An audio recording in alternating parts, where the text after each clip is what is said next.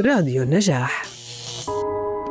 يعيش العالم ابتداء من الرابع والعشرين من أكتوبر ولمدة أسبوع ما يسمى أسبوع نزع السلاح عالمياً. يهدف هذا الأسبوع لتعزيز الوعي وتحسين الفهم بقضايا نزع السلاح وأهميتها الشاملة إذ دعت الجمعية العامة للأمم المتحدة الحكومات وكذلك المنظمات الغير الحكومية لمواصلة المشاركة بنشاطات في فعاليات أسبوع نزع السلاح لإذكاء وعي الجمهور بتلك القضايا.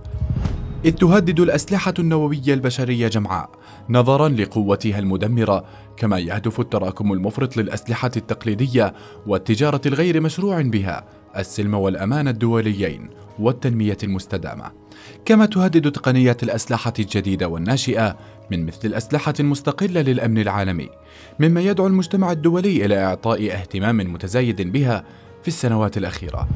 صون السلم والأمان الدوليين ودعم مبادئ الإنسانية وحماية المدنيين وتعزيز التنمية المستدامة وتعزيز الثقة بين الدول ومنع النزاعات المسلحة وإنهائها.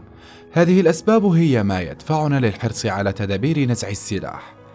كل عام ونحن نسعى لعالم ينعم بالسلم والأمان.